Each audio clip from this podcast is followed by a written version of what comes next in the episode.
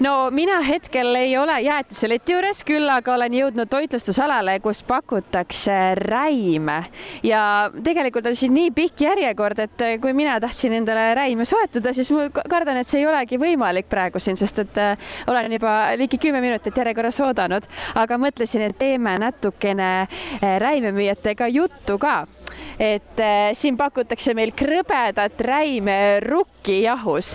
tere, kust kaugelt äh, teie olete tulnud siia oma räimedega? me tegelikult oleme Tallinnast. kuidas teil seni müük läinud on? Äh, ja täna juba hakkab rahvast liikuma, hommik on suht vaikne olnud. hommik oli vaikne, kas te arvate, et oli ilmaga ka midagi pistmist? ja võis olla küll, et äkki need vihmapilved ajasid inimesi natukene eemale see on selline hästi mõnus eestipärane roog, mis te pakute, krõbedad räimed soolakurgi eh, ja koorekastmega. kas arvatavasti see ongi see põhjus, miks siin nii pikad järjekorrad on ja inimesed huvitatud on? no võib-olla, ma ei tea, küsige inimeste käest. kas te panete siia mingeid erilisi maitseaineid ka?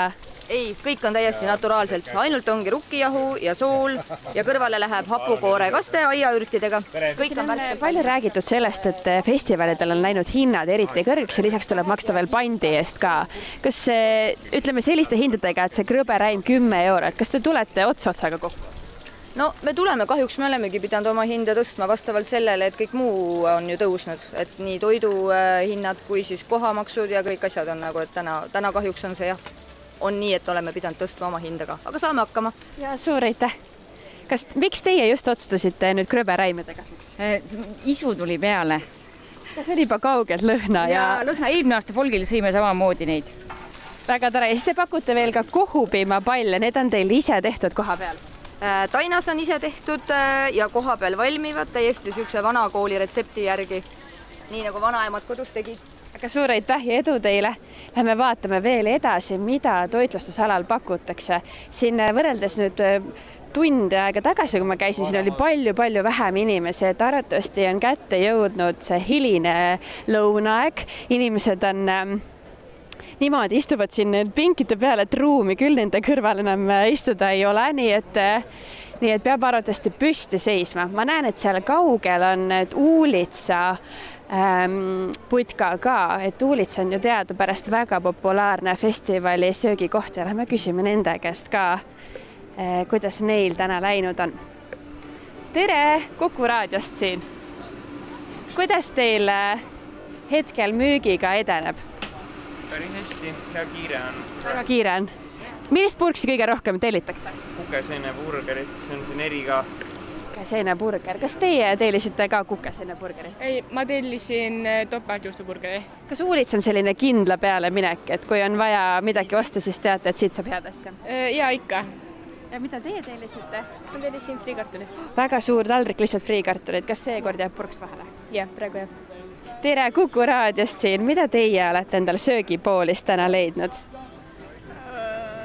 Just esimest korda tulime alles sööma Uulitsasse. kas tundub, et on äh, palju valikut ja on nagu lihtne teha see otsus? jaa.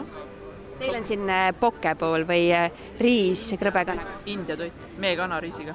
olete esmakordsed Viljandi folgi külastajad või? väga staažikad juba. kas siis sellel aastal on kuidagi eri, eripärane ka see toiduvalik või muud sellist? suht sama tundub jah, mõned uued valikud on, aga üldiselt on palju samu, samu kohti, jah praegu tundub, et siin on hästi palju inimesi, et kas Viljandi folgil ongi, et kell ütleme siin enne viit hakatakse lõunasööki sööma? jaa, miks mitte hilisem hommikusöök, hilisem lõunasöök ja siis hilisem õhtusöök. jah, õhtul kell kümme veel väiksed friikad ja väga tore. tavaliselt viie-kuue paiku õhtust. ja jääte siis täna ka pikaks, et võib-olla tuleb veel viimane söök siin alles üle ma arvan küll jah, eks Trad Attack on kell üksteist õhtul, nii et sinna lähme kindlasti. siis saab vaadata kell kaksteist või kell pool üks, mis toimub siin toitlustusaladel. inimesed on äh, selles mõttes väga rõõmsate nägudega, kuna suuremad äh, vihma, äh, vihmahood on siin ära olnud, et nüüd saab rahulikult nautida päikese käes istumist, küll aga on meie toolid üsna märjad, et inimesed sinna pühivad oma salvrätikutega toole kuivaks. aga annan teile üle, Romi ja Kristjan, et toitlustusalaga on mul nüüd siin läbi. ja aitäh, oli väga ja tundus, et on isuäratav.